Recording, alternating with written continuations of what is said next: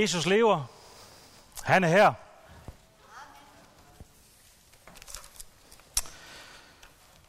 Jeg vil lige starte med at læse teksten om Palme Søndag. Den er beskrevet i alle fire evangelier. Jeg har valgt at, øh, at læse den fra Matteus evangeliet, kapitel 21, øh, og det er fra vers 1 til 9. Da de nærmede sig Jerusalem og kom til Betfage ved Oliebjerget, sendte Jesus to disciple afsted og sagde til dem, Gå ind i landsbyen heroverfor, og I vil straks finde et æsel, som står bundet med sit føl. Løs dem og kom med dem. Og hvis nogen spørger jer om noget, skal I svare, Herren har brug for dem, men vil straks sende dem tilbage. Det skete, for at det skulle opfyldes som at tale ved profeten, der siger, Sig til Sions datter, se til din konge kommer til dig. Sagt modig, ridende på et æsel og på et trækdyrs følge. Disciplerne gik hen og gjorde, som Jesus havde pålagt dem. De kom med æslet og følget og lagde deres kapper på dem, og han satte sig derpå. Den store folkeskar bredte deres kapper ud på vejen. Andre skar grene af træerne og strøede dem på vejen. Og skarne, som gik foran ham, og de, der fulgte efter, råbte, Hosiana, Davids søn, velsignet være han, som kommer i Herrens navn. Hosiana i det højeste. Det er jo lidt svært at komme ovenpå, når vi lige har set en fantastisk tegnefilm, og så skulle læse den op her. Men det er jo præcis den samme historie, som vi jo lige så til indledningen. Så jeg ved ikke, om jeg bare skal slutte af med at sige ammen nu, og så var det det.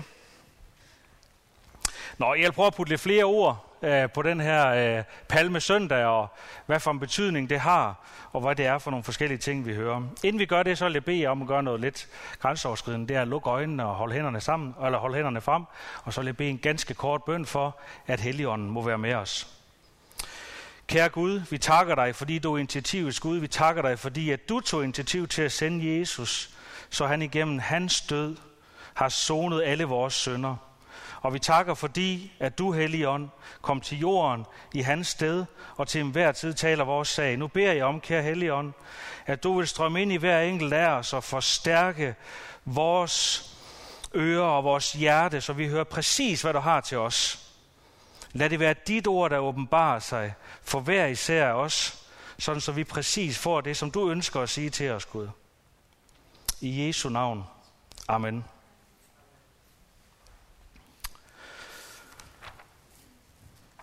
Ja, Jesus, han fejres jo her som en konge, når han rider ind i Jerusalem. Palmegrene og kapper, nu står der ikke palmegrene her, det står der i Johannes evangeliet, så derfor har vi det derfra. Men palmegrene og kapper bredes ud for jorden for ham, når han kommer ridende. Det er jo ligesom den røde løber, som man ruller ud for de kongelige, sådan så at han ikke skal træde i jorden, men træder på kapperne og på palmegrenene. Så der er ingen tvivl om, at folk de identificerer ham som kongen. De hujer og hejer og råber, Hosiana, Hosiana. Og Hosiana, det betyder frels os. Så jeg tænker, forventningens glæde, det må være enorm. Et besat Jerusalem. Nu kommer kongen, og de råber frels os. Jeg har tænkt lidt på, nu skal lige have en tår vand. At man måske godt kan sammenligne det her lidt med en fankultur. Uden nogen sidestykke ellers, men en lille smule. Hvor vi jo øh, hylder vores fodboldhold eller vores yndlingsatlet til OL eller lignende. Og vi hylder dem, og vi hæpper på dem, når de har kvalificeret sig til en slutrunde eller kvalificeret sig til OL og vi hæber på dem, og vi er fulde af forventning. Det kan være lidt svært, når man er OB-fan for tiden, at være fuld af forventningsglæde. Men alligevel, vi er fulde af forventningsglæde, for de har jo kvalificeret sig til den her slutrunde, eller kvalificeret sig til det her OL. Man mærker helt klart også forventningens glæde jo her i Jerusalem på det tidspunkt her. Der, der er virkelig noget, at de, at de glæder sig til. Men hvorfor er de i så stor forventning? Er det ikke lidt sjovt, at en mand rider ind på et æsel i Jerusalem, og så går folk fuldstændig bananas. Det virker da ikke som noget særligt, var? Det er der flere forskellige grunde til. Og den første, det er, at de genkender det, de ser. De genkender det, fordi de har fået det fortalt i børnekirken eller i templet, når der er blevet undervist, eller hvor de nu har fået det at vide henne igennem hele livet, har de fået fortalt historierne, og det her det er en af historierne om, når Messias han kommer tilbage. Så har de fået fortalt den her historie, og derfor kan de genkende det. Jeg vil prøve at læse fra Zakarias bog, som var den profet, der, der ligesom forudsagde det. Bryd ud i jubel, Sions datter. Råb af fryd, Jerusalems datter. Se, din konge kommer til dig, retfærdig og sejrrig, sagt modig, ridende på et æsel, på en æselhoppes føl. Sion er et bjerg, der ligger i Jerusalem, og derfor taler man tit om Jerusalem som, som Sions datter, hvis man tænker på, hvem, hvem er det mon? Så det er Jerusalem, der tales om. Så derfor kan de genkende det her. Åh, oh, nu sker det. Men så kan man måske ikke lade være med at tænke på, ah, kunne der ikke nogen andre, der kunne få på det før Jesus? Når nu de godt kendte historien og sætte sig op på æslet og ride ind i Jerusalem. Men hvad er det lige præcis, der gør, at når Jesus han gør det, så kan de genkende det. Det er for lige at vende tilbage til sportens verden. verden. Det er fordi, at han er kvalificeret sig til at være den konge. Han har som den eneste kvalificeret sig til at være den konge, der kan tage den plads på det æsel og ride ind. Så derfor genkender de, det her er den sande Messias. Og hvordan har han kvalificeret sig? Jamen han har kvalificeret sig ved, at han igennem den aktive del af hans liv, hvis man kan sige det sådan, hans lærer, cirka tre år, har jo undervist folk og lært folk om, hvordan skriften skal udlægges. Og han har jo talt med stor autoritet, læser vi flere steder. Og folk siger, hvad er det for en ny og, og, og fantastisk udlægning af skrifterne, vi nu hører? Det er selvfølgelig, fordi han taler med Guds stemme, fordi han er Gud jo. Det ser de. Men en anden ting, han også har gjort, det er, han har udført mirakler. Han har fået de blinde til at se, han har fået de døve til at høre, de lamme til at gå, og han har sågar opvagt folk fra døden til livet. Så ligesom et fodboldhold eller en atlet har kvalificeret sig, så er han i den grad kvalificeret til at træde ind på scenen og kæmpe den kamp, som israelitterne de hunger efter, at der kommer en konge og kæmper. Og derfor er de vilde af forventning, når de ser, at han kommer ridende ind palmesøndag. søndag.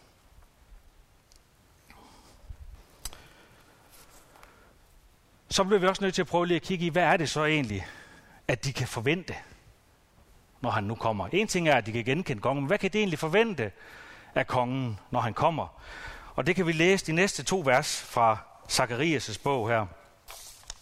Der står der, Jeg til ikke gør vognene i Efrem og hestene i Jerusalem. Krigsburene skal til gøres. Han udråber fred til folkene – han hersker fra hav til hav, fra floden til jordens ender. For dit pagtblods skyld slipper jeg dine fanger løs fra cisternen, hvor der ikke er vand. Det er derfor, de står op og frelser os. Det, her, det her har Zacharias også skrevet. Når han kommer, så skal han frelse dem. Og han skal endda til gøre vognene. Det er tit brugt som sådan et, noget negativt i forhold til dem, der har besat dem, de her vogne og sådan nogle ting. Og hestene også. Og krigsburene, de skal til gøres. Så det er klart, de tænker, kommer, nu kommer han altså og smider romerne ud. Endelig kan vi få vores land i fred. Jeg kan godt lide, og det er ikke sikkert, at, at Zacharias han har, han har tænkt det her, men jeg vil godt lige nævne det alligevel. For da jeg nu læser det her med cisternen, øh, fangerne i cisternerne uden vand, så kan jeg ikke lade være med at komme til at tænke på Josef. Jeg ved ikke, om I kan huske, Josef bliver kastet i cisternen her. Hans brødre er jo også en udtørt cisterne jo. Men han bliver reddet op af cisternen, og ender med, hvad? At redde Guds folk. Om det er det, Zacharias har tænkt på, det er jeg ikke teologisk dygtig nok til at gøre redde for. Men det er bare det, jeg kom til at tænke på. Jeg synes, det var fantastisk at tænke på, hvordan Gud han igen og igen har taget initiativ til at redde os. Og nu gør han det igen. Nu gør han det igen. Denne her gang ved vi så godt, at det er endegyldigt, men nu gør han det igen. Ja, så derfor er begejstringen selvfølgelig stor. Jeg kan godt lide også, at vi går tilbage i sportens verden og tænke på et eller andet fodboldhold, som godt nok har kvalificeret sig, men jo som så også er blevet spået stor succes i en eller anden turnering, hvis man skal lave en sammenligning. Sådan er det her. Han har kvalificeret sig i den grad, og de ved, at succesen den bliver enorm. Nu vinder vi. Mange af os kender måske det her med forventningens glæde, inden en finale i håndbold, eller hvad det er. Det kan også være før en, før en fest, for eksempel. ikke. Åh, oh, vi glæder os til et bryllup, vi skal til, eller til vores egen bryllup, eller øh, vi, vi glæder os til at skal måske deltage i noget i kirken, og måske er der også lidt forventningsglæde her på anden række, det kan man ikke afvise. Som snart bliver afløst af blæskifte, og jamen det, nu har jeg godt nok kun fire børn, men der er noget i det også, som man... Ja, forventningsglæde til, at de blev renlige, den kommer også til at komme, eller over, det lover jeg dig. Det kan være noget med et uh, nyt job. Uh, man har en forventning til det. Eller en date for eksempel, ikke, hvis man skal på, på sådan en. Men de fleste af os, vi har nok også prøvet, at forventningens glæde samtidig overstiger den rent faktiske glæde. Festen, den blev lige lidt træls, og det var lidt trælsbord, spor, man kom til at sidde ved. Og det kunne måske være, at det var, åh oh, ja, men så, det lever vi nok med, og så, så kommer vi videre. Um, men det kan også være noget, der måske er lidt, man synes, der er værre, at det job, man havde troet på, som man skulle have, alt lå i kortene, og så smuldrer det hele, og så får man ikke det job. Det kan hurtigt blive afløst af skuffelse, og måske endda også vrede. Vrede på Gud, hvorfor søren han ikke gør de ting, som man gerne vil have.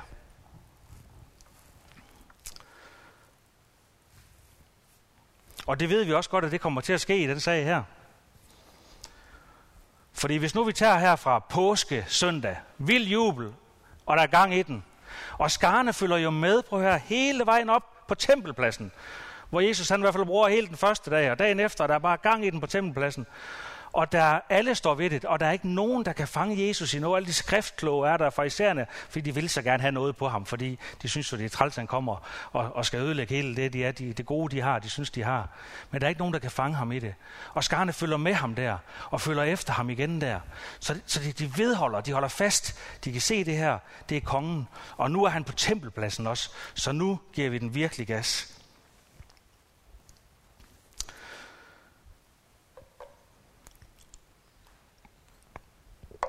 Så kigger vi lidt fremad. Nogle få dage.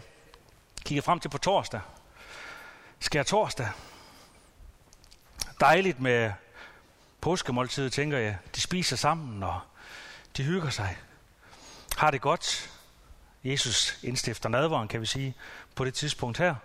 Fortæller dem, hvad der skal ske, selvom de måske ikke helt forstår det. Senere, samme aften i Gethsemane have, hvor det bliver forrådt. Jesus Altså, vi snakker, det er på torsdag, venner. Så går det nedad med jublen. Så bliver de sure. Så kommer OB-fansene til tasterne på Facebook. Åh, hvad er det for noget, vi tror det hele. Det hele vender nu. Ikke? Og det kan vi også se på de sociale medier, faktisk.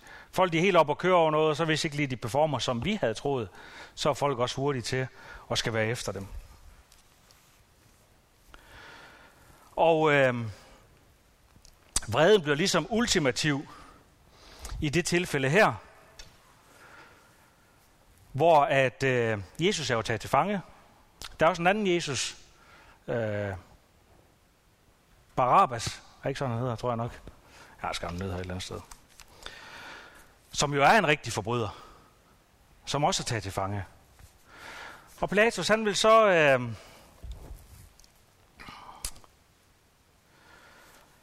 Han ville så give dem valget, fordi det var skik at sætte en fange fri i påsken for romerne, for ligesom at komme dem lidt i møde, israelitterne i forhold til øh, der, for ligesom at tække dem lidt, jamen, så giver vi en fange fri, for at holde lidt ro. Og det kan vi læse om i Matteus evangeliet. Der står der, under festen plejede statholderen at løslade en fange efter folkets egen vilje, men han havde dengang en meget omtalt fange, som hed Jesus Barabbas. Mens de nu var samlet, spurgte Pilatus dem, hvem vil I have, at jeg skal løslade jer? Jesus Barabbas eller Jesus, som kaldes Kristus. Så står der lidt omkring, hvad Pilatus' kone hun vidste. Og så kommer vi lidt længere ned, så står der, men yverspræsterne og de ældste overtalte skarne. Så det var altså op til skarne at tage den beslutning her. Men ypperste præster og de ældste, som ikke havde fået et ben til jorden på templet, det kan vi læse masser af gode historier om. Ikke ben til jorden. Det lykkedes dem at overtale skarne til at bede dem om at få Barabbas løsladt og få Jesus henrettet. Så hurtigt gik det. Fra vi red ind i øh, Jerusalem, og det hele det var jubel og hyldest og stor forventningsglæde. Det er noget af en nedtur, tænker jeg. Fra de hyldede ham som konge, og nu vil have ham henrette.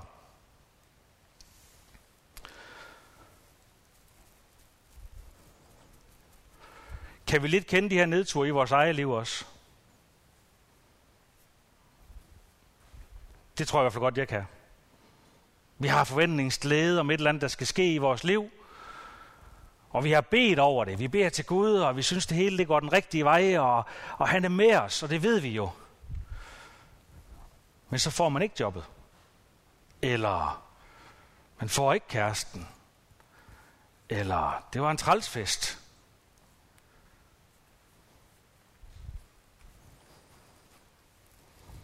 Så det er ikke altid, at vi kan regne med, at Gud, han vil præcis det, vi gerne vil. Præcis på vores måde. Og det viser også her, at Jesus han var ikke var den konge, som de regnede med. De har regnet med, at nu, var det, nu skulle de nedkæmpe romerne. Men det var ikke den måde, han var kommet for at frelse dem på. Og det var ikke den måde, han ville være konge over for dem på.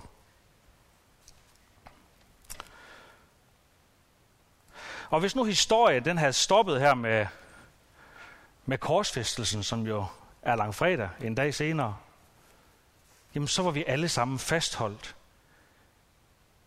i vores skuffelse, i vores bitterhed og i vores vrede. Så ville vi ikke have haft noget håb. Men vi ved jo, at Jesus, han står for verdens største comeback ever. Ikke? Altså, et mirakel uden lige. Lidt det samme som hvis OB ikke rykker ned.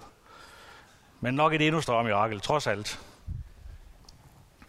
Et kæmpe comeback. Og det kender vi også fra sportens verden. Og så de får et comeback, og så er vi med igen på en eller anden måde. Men her ved vi, at Jesus han har vundet. Nu kender vi historien. Og derfor behøver vi ikke at, at blive ved med at være i fortvivlelsen, eller skuffelsen, eller vreden. Det er okay at blive vred. Det er okay at blive fortvivlet. Det er okay at, at blive skuffet over, at tingene de går, som man gerne vil have det. Det er okay. Men vi bliver ikke fastholdt i det, for vi kan altid komme til Jesus. Og selvom vi ikke har fået det præcis, som vi lige synes, så har Jesus altid noget godt til os. Det kan vi være helt sikre på.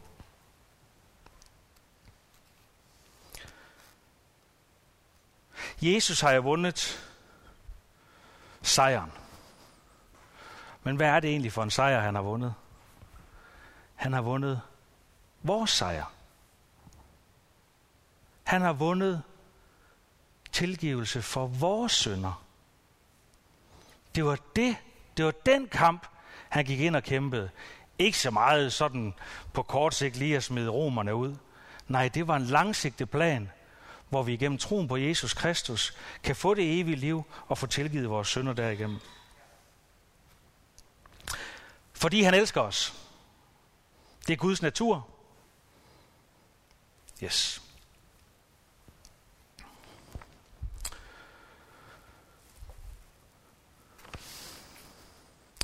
Nu kan jeg godt tænke mig, at vi faktisk øh, skal starte med nadvåren øh, nu. Fordi jeg synes, at øh, det passer så smukt i forhold til, hvad de ikke vidste palme søndag.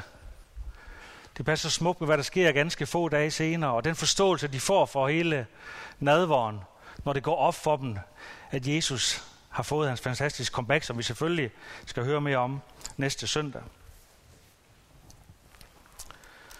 Når vi nu øh, deler nadvåren her, så lad os gøre det for at vise Jesus, hinanden og omverdenen, at vi stadig, at vi stadig sætter vores lid til ham, uanset om vores forventninger, de måske ikke lige helt indfries hver dag og altid. Vi skal gøre hver dag til Palmesøndag. Vi skal gøre hver dag til Palmesøndag, hvor vi råber, Hosiana, Hosiana, frels os, Jesus, frels os. Amen. Nu vil vi dele nadvåren sammen.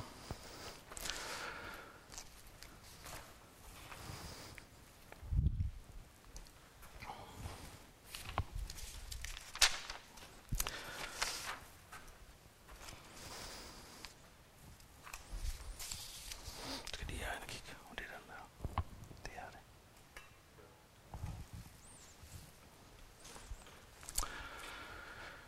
Det her det er en invitation. Kom til Herrens bord. Ikke fordi du skal, men fordi du må. Ikke fordi du er stærk, men fordi du er svag. Kom ikke fordi du har gjort dig fortjent til at komme, men fordi du trænger til Jesus omsorg og hjælp. Kom fordi du elsker Herren lidt, men gerne vil elske ham mere. Kom fordi han elsker dig og gav sit liv for dig. Kom og mød den opstandende Jesus. Den opstandende Jesus. For vi er hans læme. Når vi lige om lidt bryder brødet her, så bryder vi det også som et symbol på, at Jesus læme blev brudt for os. Jesus brudte læme, hvor brutalt det end må synes, er et symbol på, at han tog vores skyld på sig. Når vi deler bæret, så er det et symbol på Jesu blod. Han gav sit liv for os. Lad os tage det med ind i nadvåren. Så højt elsker Gud os, at han var villig til at tage sin synd, vores smerte på sig, og give sit eget liv, så vi kan få evigt liv.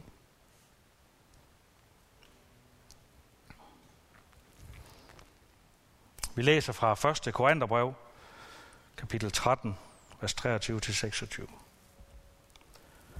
For jeg er modtaget fra Herren, og også overleveret til jer, at Herren Jesus i den nat, da han blev forrådt, tog et brød, takkede, brød det og sagde, Dette er mit læme, som gives for jer. Gør dette til ihukommelse af mig.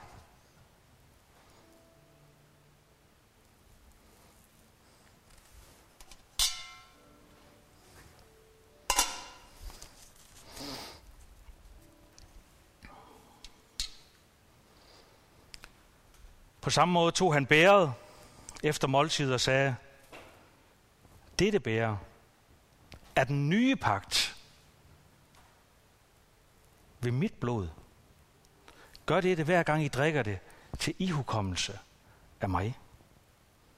For hver gang I spiser dette brød og drikker bæret, forkynder I Herrens død, indtil han kommer.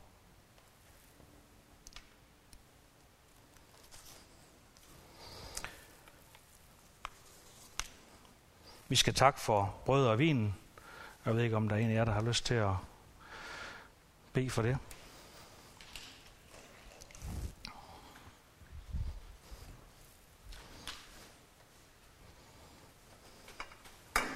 Kære himmelske far, Tak fordi vi må have lov til at samles som dit nadverbord denne søndag morgen. Tak, Herre, fordi vi må have lov til at mindes, at du døde, og du opstod for vores skyld. Tak fordi vi blev frelst ved din nåde og ved dit blod. Kære himmelske far, jeg takker dig for hver enkelt, som er her i dag. Og vi takker dig for alle dem, som sidder rundt omkring i stuerne. Og nu beder jeg om, at du på en helt særlig måde vil røre ved hver enkelt af os. Lad os mærke din nærhed. Lad os mærke, at der hvor vi er, der er du også midt blandt os. Herre, tak fordi vi må lov til at gå ind i påskuen i forventning om, hvad der venter os. Om din store nåde og din kærlighed. Tak for bordet her, og tak fordi du er med os. Amen.